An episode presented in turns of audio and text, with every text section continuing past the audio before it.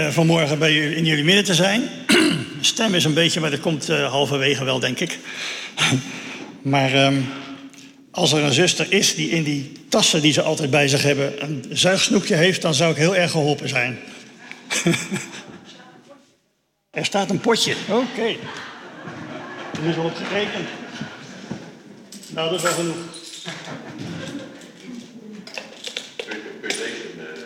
Kijk op wel even. Ja. Zo. Nou, zoals ik al uh, geïntroduceerd was, ik kom uit uh, Devenswaard. Een jaar of tien geleden, ik heb zitten rekenen, maar daar ben ik heel slecht in. Een jaar of tien geleden heb ik ook een aantal jaren in deze gemeente gezeten. En toen zijn we naar Devenswaard gegaan, waar een nieuwe evangelische gemeente begonnen is. En uh, ja, daar ga, ik, daar ga ik nog steeds naartoe. Ik ben verbonden aan het werk wat ORA heet. Um, en dat is een nieuw Leusen, weer een paar dorpen verder. En uh, wij ondersteunen lokale initiatieven, lokale organisaties, lokale zendelingen. Uh, lokale zendingsechtparen, ook enkele zendelingen. Uh, met de activiteiten die ze doen. En dat doen we met zo'n 80, 90 projecten per jaar. En dat is een hele klus met een heel klein team doen we dat. Met vier, pers vier personen. 1 augustus komt er een vijfde persoon bij. Omdat het werk heel veel wordt. En um, even kijken om. Nu staat hij aan, denk ik. Oh ja. Oké. Nou, ik. Uh, uh, dit is een van de vele projecten die we, die we ondersteunen. U, u, weet, u, weet, natuurlijk dat de oorlog in Oekraïne nog steeds doorgaat. Als ik het goed heb, de 522ste dag van de oorlog. En wij kunnen ons dat gewoon niet zo goed voorstellen als we hier in alle vrijheid uh, alles kunnen doen wat we maar uh, zouden willen. Uh, daar is het nog steeds uh, ellende. Uh, er is gedoe met water. er is gedoe met infrastructuur en van alles. En we, we krijgen aanvragen binnen of we kunnen helpen. We kunnen heel veel doen, maar niet alles. Soms frustreert dat wel eens een beetje. We hebben lokaal een aantal organisaties waar we mee samenwerken, waar we waterprojecten mee doen, medicijnen voor hen kopen, kachelhout regelen groentezaden uitdelen. Iedere dag is er in, uh, het, uh, in het oosten van, van Oekraïne wordt er brood uitgedeeld. Bakkers bakken brood s'nachts. En dat wordt overdag uitgedeeld in grote aantallen. Dus we hebben bijbels geregeld. We helpen kerken, wat er ook nog van over is. meestal een soort van ondergrondse kerken. Dat doen we niet alleen maar in, in Oekraïne, Oost-Oekraïne, maar ook in Rusland. Uh, wij zijn geen politieke organisatie. We weten dat aan allebei de kanten wordt er geleden. En zijn er mensen in nood. En moeten mensen geholpen worden. En uh, ja, ook in Rusland helpen we op allerlei manieren uh, christenen. Een van, de, een van de dingen die, we op, die op ons pad kwam... was een e-mail van iemand uit, uit Oekraïne. En die schreef een heel algemeen bericht. en die zei, ik zou graag wat willen doen voor de kinderen in Oost-Oekraïne. De, scholen zijn, de meeste scholen zijn plat gebombardeerd en de kinderen gaan niet meer naar school. En die moeten alles meemaken en die maken ook alles mee, iedere dag weer. Daarom zijn we in december afgelopen jaar gestart met kinderclubs in Oost-Oekraïne. Dan heb je het over oorlogsgebied. Dan heb je het over Donetsk en heb je het over Lugansk gebied. Het brede gebied. Die kinderen zijn achterblijvers. Die blijven achter bij hun moeder. Vaders zijn er over het algemeen niet meer, tenzij ze 55 jaar of ouder zijn of gepensioneerd zijn, dan zijn er nog wel mannen. Alle andere mannen moeten, zijn ingezet of moeten ingezet worden, of zijn de grens overgevlucht om niet te dienen in het leger. Uh, dit is niet geheel ongevaarlijk werk. Uh, helemaal in het begin is er een, kind overleden die een van die ehm, eh, Bijbelclubs had bijgewoond. En dat is natuurlijk een hele tragische, hele tragisch iets, maar ja, we, we, houden alle veiligheidsmaatregelen aan. En mensen die dat werk uitvoeren, die weten precies wat er, uh, wat er moet gebeuren. nou, Oekraïne, zoals ik al, al zei, het gebied waar, uh, ja, we behoorlijk wat projecten uit kunnen voeren. Heel bijzonder. Dit is de e-mail die we kregen, maar is niet zo interessant. In vier nederzettingen uh, doen we die kinderclubs. en dat zijn eigenlijk geen nederzettingen, maar dorpjes of wat er dan ook nog over is van dorpjes. Moet je je voorstellen dat er een cluster huizen is waarvan 95% geraakt is door, uh, door geschut. In de regio, ja, misschien zegt dat u wat, 12 tot 15 kinderen per plaats die bij elkaar komen op de dinsdag en op de donderdag. En uh, er zijn twee soorten activiteiten. Dat is, aan de ene kant zijn de bijbellessen en aan de andere kant is de koken. Daarom noemen we het de Little Cooks. Little Cooks. Nou, samen onder begeleiding van een, uh, van een lieve moeder, een lieve christenmoeder, wordt er, uh, worden de maaltijden gemaakt. Ze legt een eenvoudig recept uit. En uh, nou, onder begeleiding leer je dan wat koken. En uiteindelijk moet je het zelf opeten. Dat is ook wel weer belangrijk. En dat is ook wel weer voedzaam voor die kinderen op dat moment. Maar het bij elkaar zijn is al heel mooi. Bijbellessen en knutselen, dat is de andere. De dinsdag of de donderdag wisselt nog wel eens af. Een Bijbelverhaal met elkaar zingen wanneer het mogelijk is. En uh, de verwerking van het Bijbelverhaal in knutselen, in, in, in, uh, in theater of wat dan ook.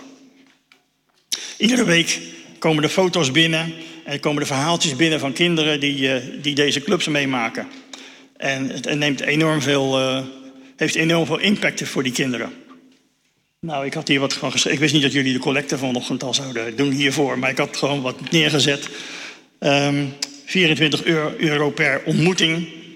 Er zijn er een aantal ontmoetingen en een aantal kinderen. Maar hartstikke mooi dat er over geconstateerd is. En dat, uh, ja, dat we dat geld daarvoor in mogen zetten. En het is echt nodig, want uh, eind november loopt de financiering af. En we willen echt heel graag doorgaan, omdat we zien dat het zoveel mooie dingen bij die kinderen teweeg brengt. En het is natuurlijk ook waanzinnig mooi als je één uur, twee uur in de week uh, met elkaar, met andere kinderen kan zijn. op een veilige plek en hoort over het evangelie. Nou, daarom, daarom had ik deze diga gemaakt, denk ik. Ja, hm. oké. Grappig. Goed. ja. Um, eerste verhaaltje. Er was een boer en die had een nieuwe loonwerker in dienst. Iemand die ingehuurd wordt om agrarische werkzaamheden te doen. Voor degenen die niet uit deze streek komen. Een loonwerker. En de eerste dag moest hij gaan hout hakken. Wat een zwaar werk. Man, man, man. Eind van de dag was hij uitgeput. De tweede dag kwam hij en dan moest hij onkruid wieden. Midden in de, in de, in de, in de hete zon. Wat een dag. Knetterhard gewerkt. En de derde dag regende het. En toen dacht die boer, nou, ik zal hem wat ander werk geven. Ik ga hem binnen aardappels laten sorteren. Aardappels moesten gesorteerd worden in rotte aardappels en goede aardappels. Nou, dat is niet zo moeilijk, dacht ik. Dat is niet zo makkelijk, dat is erg makkelijk. Hij moet de aardappel bekijken en hem in de goede bak doen. En hij was ermee bezig. En toen het lunchtijd was, zei hij tegen die boer: Ik stop ermee. Ik, ik heb er genoeg mee. En die boer die was helemaal verbaasd. Die zegt: de eerste en de tweede dag heb je knetterhard gewerkt. Dan heb je je helemaal ingezet. En nu geef ik je makkelijk werk. En dan ga je weg. Ja, zei die loonwerker. Hard werken is oké. maar de hele dag beslissingen nemen van goed en fout, daar kan ik niet tegen. En dat is een beetje. Dat is een beetje waar, waar ik het vanmorgen met u over wil hebben. Niet over die loonwerker. Maar hard werken, dat kunnen we wel. Dat is op zich niet zo'n probleem. Daar staan we ook als Nederlanders uh, best wel bekend om. Dat we hard kunnen werken. En uh, dat doen we ook. Maar beslissingen nemen is vaak moeilijker. Beslissingen in ons leven nemen, beslissingen voor ons leven nemen is vaak moeilijker. En de beslissing is natuurlijk dat je een besluit neemt. Dat je doorslag geeft aan iets. Dat je antwoord geeft. Dat is ook een belangrijke. En soms zeggen we thuis er wel eens van als er nog geen beslissing is, we gaan er een klap op geven. Bam, dit gaan we doen. Maar beslissen is ook iets uitsluiten. Dit gaan we niet doen. Dat is ook heel lastig. En ik denk dat het steeds lastiger wordt. In de techniek om daarin mee te komen. Uh, van de week werden we opgebeld door een oudere mevrouw. En uh, die zei: Ja, ik heb jullie uh, poststuk ontvangen en ik wil graag geld geven. Maar de accept-girokaart is er niet meer. Hoe moet ik dan geld geven? Oké. Okay. Zeg, heeft u een bankrekening? Ja, die had ze. Zei, heeft u ook een, op de telefoon iets of op de computer iets? Nee, daar doe ik niet aan mee. Dan wordt het heel moeilijk. maar goed, we zijn er met haar wel uitgekomen. Maar dat geeft een beetje aan hoe het steeds lastiger wordt om uh, te kiezen voor... ik ga daar wel in mee, ik ga daar niet in mee. Ook in ethische onderwerpen. Gaan we wel die richting op of doen we dat niet? Of in de opvoeding. Doe ik dat wel? Laat ik dat wel toe? Ik heb het vroeger zelf ook niet, niet gemogen, maar zeg ik dat tegen mijn kind nu ook? Of in relaties, in geldbesteding. We moeten allemaal beslissingen nemen. En als je ouder wordt, goed, ik word een beetje ouder, dan denk je soms wel eens stiekem, nou laat het allemaal maar gebeuren. laat het maar. Ik heb het allemaal al eens een keertje meegemaakt en het lost zich wel op. Totdat die gedachte je hele leven zich gaat, gaat vormen.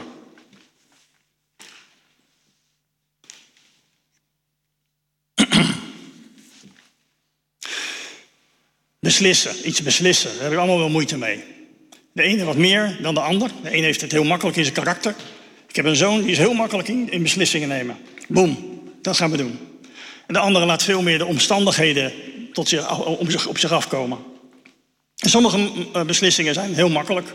Dan kun je kiezen tussen goed of tussen fout. Tussen goed en fout. Maar vaak is het ook kiezen uit een aantal fouten. Een aantal vervelende dingen. Een aantal problemen om daar uh, iets uit te halen. Het is soms ook ingewikkeld om te beslissen. Soms zijn we niet in staat om te besluiten. En het is natuurlijk heel makkelijk om uh, achteraf te zeggen: had je maar dat of dat gedaan, had je, dan was het wel of, niet, wel of niet zo geweest. Voordat iets moet gebeuren, is het heel moeilijk om een beslissing te nemen. Ik uh, zat er een beetje over na te denken en toen dacht ik over iets wat ik een hele tijd geleden eens gehoord had en gelezen had. Dat is het vijf seconden besluit. Er is een mevrouw in Amerika, die heeft daar haar werk van gemaakt en die heeft er goed geld mee verdiend. En die zegt, in vijf seconden ergens voor beslissen. Niet voor alles en iedereen, in, de, in, iedere situatie kan dat, maar dat is, was haar methode. Als je, iets, als je een beslissing moet nemen, vijf seconden nemen, bam. Niet vijf uur of vijf weken, vijf maanden, maar in vijf seconden. Nou, goed, laat het maar voor wat het is. Ik wil vanmorgen niet een psychologisch verhaal gaan ophangen. Ik wil op zoek gaan naar verhalen met beslissingen. En die staan in de Bijbel, absoluut. Staan er genoeg. En beslissingen nemen is ook van alle tijden. God nam in het Oude Testament al allerlei beslissingen. Zijn verbonden, de, de, de verbonden die God heeft gemaakt met het volk Israël, zijn allemaal beslissingen geweest. En de reactie van de Israëlieten was, waren ook beslissingen. Als ik kijk naar het leven van Paulus, ik denk dat hij non-stop beslissingen heeft genomen. Ook over alle problemen die hij tegen is gekomen tijdens zijn reizen. Mensen moeten stappen nemen. Toen was dat al zo en nu is dat nog steeds zo. ja. Ik eh, was op zoek naar een voorbeeld in het Oude Testament en ik kwam op 1 Koningen 18. En eh, ik zal hem voorlezen. Toen liet Agab alle Israëlieten en alle profeten naar de berg Karmel komen. En Elia kwam ook en zei: hoe lang blijven jullie nog op twee gedachten hinken? Wanneer zullen jullie kiezen wie je zullen, wie je zullen dienen? Als de Heer God jullie God is, dien Hem dan. Maar als Baal jullie God is, dien Hem. Nou, dat was een duidelijke keuze. Of het een of het ander. Of goed of fout. Maar dan, nou, het verbaasde me dat dat er stond. Maar het volk antwoordde niets. Het volk antwoordde niets. Dus niet zo een beetje dit of een beetje dat, of zullen we dit, zullen we dat. Nee, het volk zei gewoon helemaal niks. De keuze was nogal duidelijk. Keuze 1, Baal. Keuze 2, God. Er kwam geen antwoord, geen duidelijkheid. Er werd geen keuze gemaakt. Het bleef stil. De vraag bleef hangen. En dan staat er in vers 24, uh, uh, uh, Elia doet dan een aantal dingen. En die zegt, roep tot jullie God. Elia kiest voor God. Elia kiest. En als Elia kiest, dan zegt het volk: dat is goed. Maar hebben zij nou gekozen of heeft Elia gekozen? Daar kom ik zo op terug. De ezel. Ik ben geen ezel, u bent ook geen ezel, maar ik vond het een leuk, uh, leuk verhaaltje. Er is, er is een ezel die heeft twee bergen hooi. En ze ruiken allebei heerlijk. Allebei op een andere manier. Die ezel heeft honger. En die denkt, ik ga ervan eten. Maar die houdt zijn kop bij die eerste baal hooi. En die ruikt ook die andere baal. Ah, dan steekt zijn kop weer terug. En hij wil die tweede baal gaan eten, die zo lekker ook. Maar dan ruikt hij weer die eerste baal. Van de een naar de andere. Links, rechts, links, rechts. Hij kon niet kiezen. En zo verhongerde de ezel. Ik zei, ik ben geen ezel, maar soms wel hoor. Maar zo is het soms ook wel in mijn leven en misschien ook wel in uw leven, dat je geen beslissing kan nemen. Dat je vastloopt. Dat je niet verder komt. Dat er iets moet gebeuren, maar het lukt maar niet. Of dat je uitstelt. Nou, dat komt nog wel hoor. Maar dat maakt vaak met zich mee dat de problemen zich ophopen. Dat ze maar voortduren. Soms neemt de tijd jouw beslissing. Dan veranderen de omstandigheden, goed of minder goed. En soms nemen anderen jouw beslissing. Beslissen anderen voor jou. Dus soms kan de tijd en soms kunnen anderen beslissingen nemen. Ik moest denken aan uh, de tijd dat Jezus veroordeeld werd. En dat hij naar, de, naar Pilatus gebracht werd. Dat was Jezus' veroordeling. Pilatus vond Jezus maar een moeilijke, moeilijk geval, moeilijke zaak. Aan de ene kant interesseerde hem helemaal niet, hij was Romein. Maar aan de andere kant wilde hij toch wel een soort rechtvaardigheid uh, hebben. Rechtvaardig doen. En ik denk, hoe hoger in de boom, hoe belangrijker de beslissingen. In Johannes 18, vers 31 zegt Pilatus tegen het volk: Neem hem mee, neem Jezus mee en veroordeel hem volgens jullie eigen wetten. Hij wilde er vanaf. En maar die Joden zeiden tegen hem: We mogen van de Romeinen niemand de doodstraf geven. We mogen dat helemaal niet van de Romeinen. Jullie overheersen ons, dat mogen we helemaal niet. Nou, daar kan ik nog wel een kanttekening bij plaatsen, want ze hebben Jezus bijna een paar keer vermoord, van de berg op willen gooien enzovoort enzovoort. En Stefanus is eigenlijk ook door de Joden uh, gekruisigd, gestenigd. Dus dat, daar was nog wel over te discussiëren. Maar ze zeiden, we mogen dat niet. Nou, daar zat Pilatus dan. Hij legt de verantwoordelijkheid maar bij de massa of bij de menigte neer. De massa die weet het. Die is verantwoordelijk voor de beslissing. Niet ik, maar de mensen die op dat moment aanwezig zijn. Maar een massa komt nooit tot een goede beslissing. Massa mensen is veel meer dan de optelsom van allerlei meningen. Daarom vind ik het woord democratie altijd heel erg moeilijk. Het is mooi dat we in een democratie leven enzovoort enzovoort, maar eigenlijk het is niet iets christelijks. Het volk spreekt. De helft plus één. De helft plus één, dat betekent dat de winnaars zijn. Dat is die helft plus één. En de anderen, die zijn de verliezers.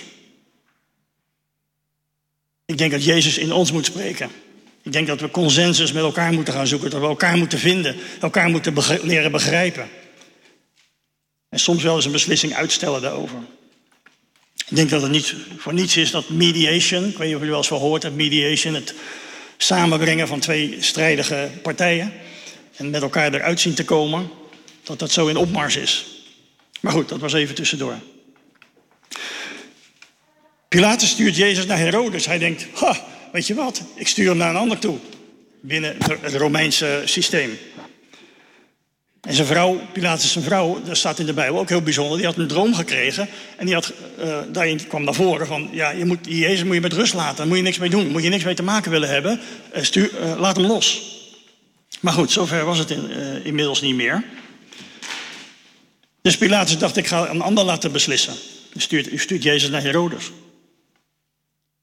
Maar dan, Herodes zegt, ja, jij bent helemaal mooi. Ik geef hem weer terug. Ik geef Jezus weer terug aan je, want ik ga hier niet over beslissen. Dat moet jij echt doen. Dat is jouw verantwoording.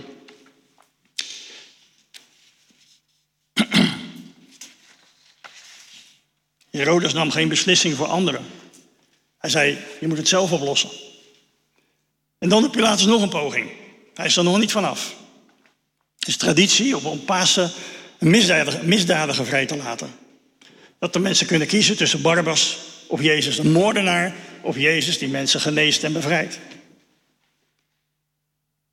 In Matthäus 27, vers 22 staat: Pilatus zei tegen hen: Wat moet ik dan doen met Jezus, die Messias wordt genoemd? hij wist, als hij, als hij iets zou doen, dat zou het moeilijkheden opgeven. Of hij nou links deed of rechts deed. Het zou altijd moeilijkheden opgeven. Hij wilde Jezus niet laten kruisigen. Ik zie geen kwaad in hem, zei hij. Maar hij wilde wel anderen laten opdraaien voor de beslissing die hij ging nemen. Die vrouw, zijn vrouw had nogal gezegd, blijf er vanaf. En hij had het nog wel zo geregeld. Soms willen we anderen beslissingen laten nemen over iets waar jij zelf een beslissing over moet nemen.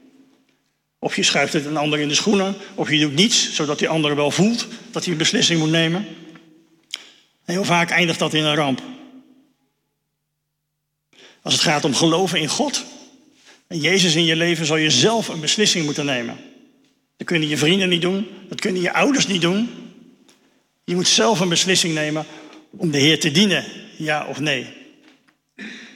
En dat is nog niet, uh, dat klinkt heel uh, logisch, maar dat is absoluut nog niet in 2023 overal het geval.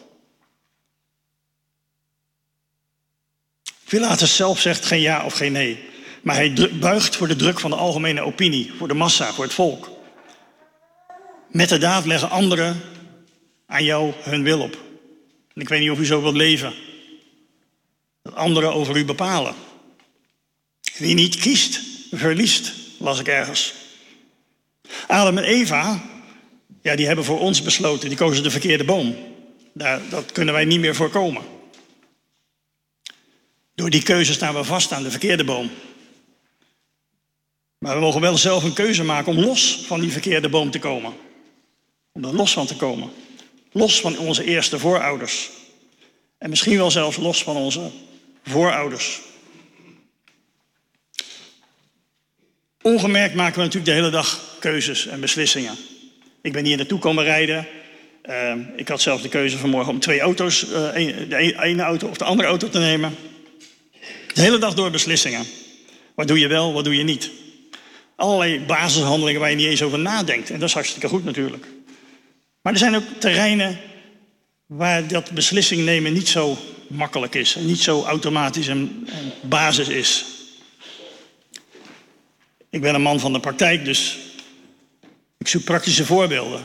Ook van, uit mijn eigen leven. Dus waarom luister ik naar reclame en muziek en praatprogramma's die ik eigenlijk niet wil horen? Waarom doe ik automatisch de radio aan als ik naar mijn werk rijd een half uurtje, twintig minuten? En zit ik naar alles te luisteren wat ik eigenlijk niet wil horen? Waarom doe ik van alles voor mezelf en niet voor anderen?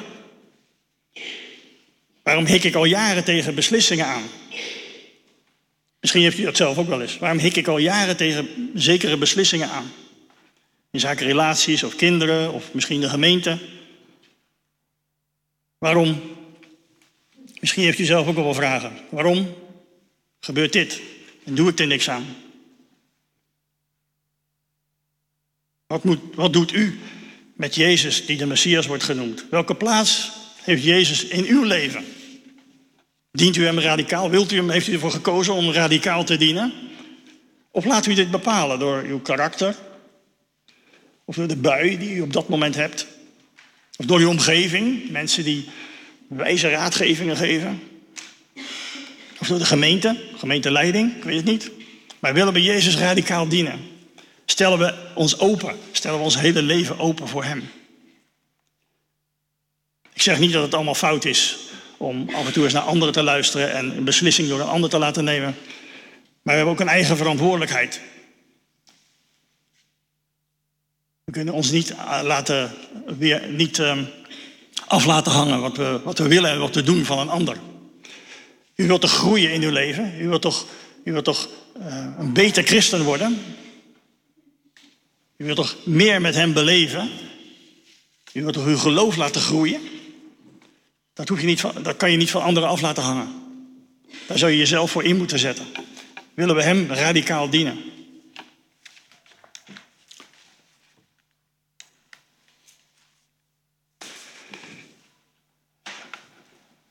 Laat alles in je leven niet gewoon maar gebeuren. Wat er ook elke dag gebeurt. Laat het niet gewoon maar gebeuren. Want het is nou eenmaal zo en ik kan er, kan er toch niks aan doen. Maar kies ervoor. Neem, neem besluiten.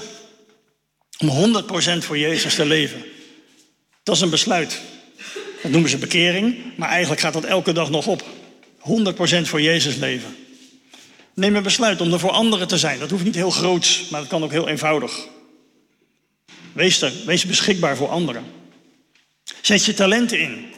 Ja, ik heb niet zoveel goede dingen die je kan. Ik heb niet zoveel talenten. Echt wel. Zet je talenten in, datgene wat je van God gekregen hebt. En zet het in in zijn koninkrijk. Zet het in voor anderen. Laat de Heilige Geest in je werken. Iedere dag weer. Laat dat een besluit zijn. Ik heb dat een tijdje echt als, als dagelijks begin genomen. Om dat te realiseren. Vandaag wil ik me laten leiden door de Heilige Geest. Oh jongens, zoveel dingen die er op je afkomen op een dag. Bij mij althans. En gebruik je tijd goed. Hoe vaak zitten we niet nou ja, achter elkaar uren filmpjes te kijken of dingetjes te doen op ons telefoon? Of... Hoeveel jongeren hebben niet een burn-out? Ongelooflijk. Je op 25-jarige leeftijd al een burn-out kan hebben. Ik had hem toen ik iets ouder was. Maar gebruik je tijd goed. En wees een voorbeeld voor anderen. Met de keuzes die je maakt in je leven. Wees een voorbeeld als, als, voor, voor Christus. Wees een brief van Christus, zoals Paulus zegt. Misschien moet je een beslissing nemen. Ik weet het niet. Er zijn altijd beslissingen te nemen. De ene wat zwaarder, moeilijker dan de andere. Maar neem beslissingen. Geef ergens een klap op. En dat kun je natuurlijk uit je eigen kracht doen, maar je kan er ook voor bidden. Je kan ook vragen, Heer, ik, wil, ik, ik zit hier en daar en daar en daarmee. Wilt u me helpen? Wilt u me de juiste mensen op, op weg brengen? Wilt u me helpen om uw woord daarin te vinden? Heer, ik wil, ik wil verder met u.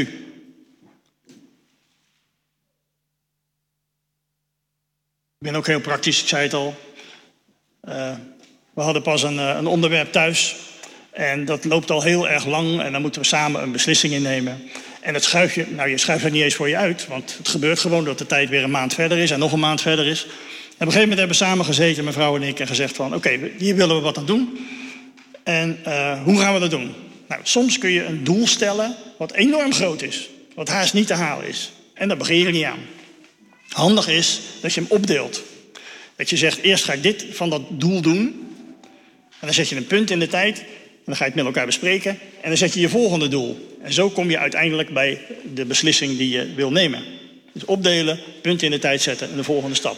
1 augustus, volgende week dinsdag, zitten mijn vrouw en ik samen op de bank met een bakje koffie. En wat heb jij, wat heb ik? Nu nemen we een beslissing en dan gaan we het volgende ding doen. Dat is om het makkelijk te maken, om beslissingen niet mijlen uh, ver te laten zijn in de tijd of muren, uh, of een hoge muur te laten zijn. En ik ben er zeker van dat dat gevolgen heeft. Dat als je beslissingen neemt en het niet laat uh, hobbelen in je leven en niet laat, uh, laat sudderen, dat de kracht van God uiteindelijk zal komen. Met de leiding van de Heilige Geest kunnen we heel veel beslissingen nemen en heel veel dingen doen. Ik wou eindigen met een heel lang, dat lijkt althans heel erg lang, Filippenzen 3, vers 12 tot en met 16. een mooi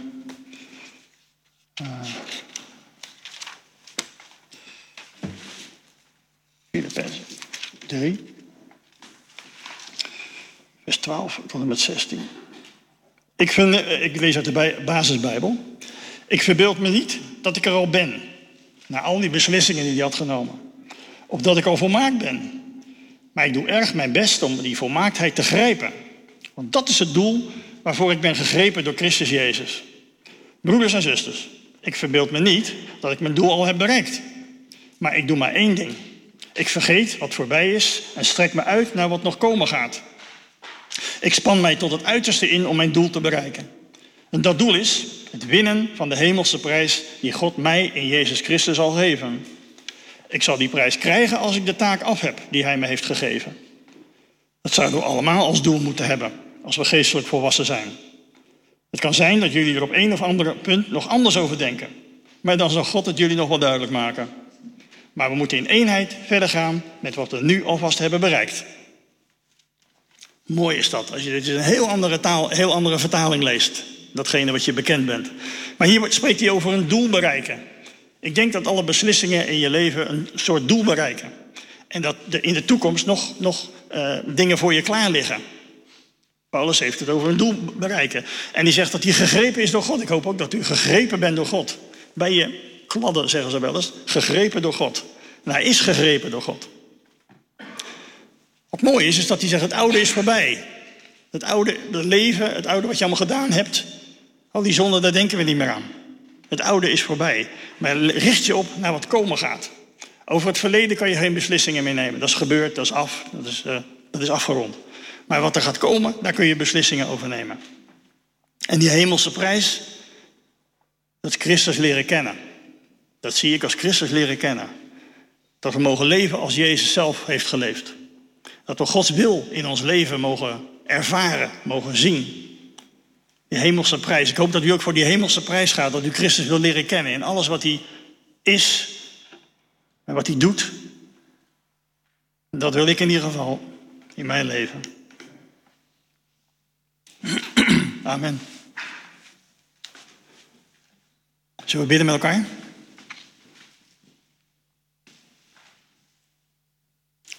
Vader, dank u wel voor de beslissingen die u heeft genomen voor ons. U heeft het goede met ons voor. U bent de goede God, u bent liefde. En Heer, u heeft beslissingen voor ons genomen, zodat wij uiteindelijk bij u mogen zijn. Zodat we u meer mogen leren kennen. En Heer, help ons om de dingen in het leven die op ons afkomen, de ja en de nee te vinden, en beslissingen te nemen en het goede te kiezen. Heer, net uiteindelijk de dingen met u te kiezen. Heer, help ons daarmee. Heer, maakt u ons, uh, Heer, maakt u ons beschikbaar daarvoor. Heer, zodat we niet alleen zelf beslissingen nemen, maar de beslissingen in ons leven nemen met u. Dank u wel, Vader, voor de, voor de vrijheid waar we in mogen leven. Heer, als nieuwtestamentisch christen. Dank u wel, Heer, dat u ons allerlei mogelijkheden heeft gegeven, Heer, om u te dienen. En dat we in een land wonen ja, waar dat ook mogelijk is, nog steeds. Vader, dank u wel voor uw liefde en voor uw grootheid. En Heer, ik bid dat uh, als er hier broeders en zusters zijn die, uh, ja, die beslissingen moeten nemen, Heer, groot of klein, Heer, ik bid dat u ze helpt. Heer, dat u ze wijsheid geeft, dat u ze kracht geeft. Heer, zodat uiteindelijk uh, het juiste gedaan zal worden. Zodat uiteindelijk uw koninkrijk ermee gediend mag worden. Dat bid ik in uw naam. Amen. Amen.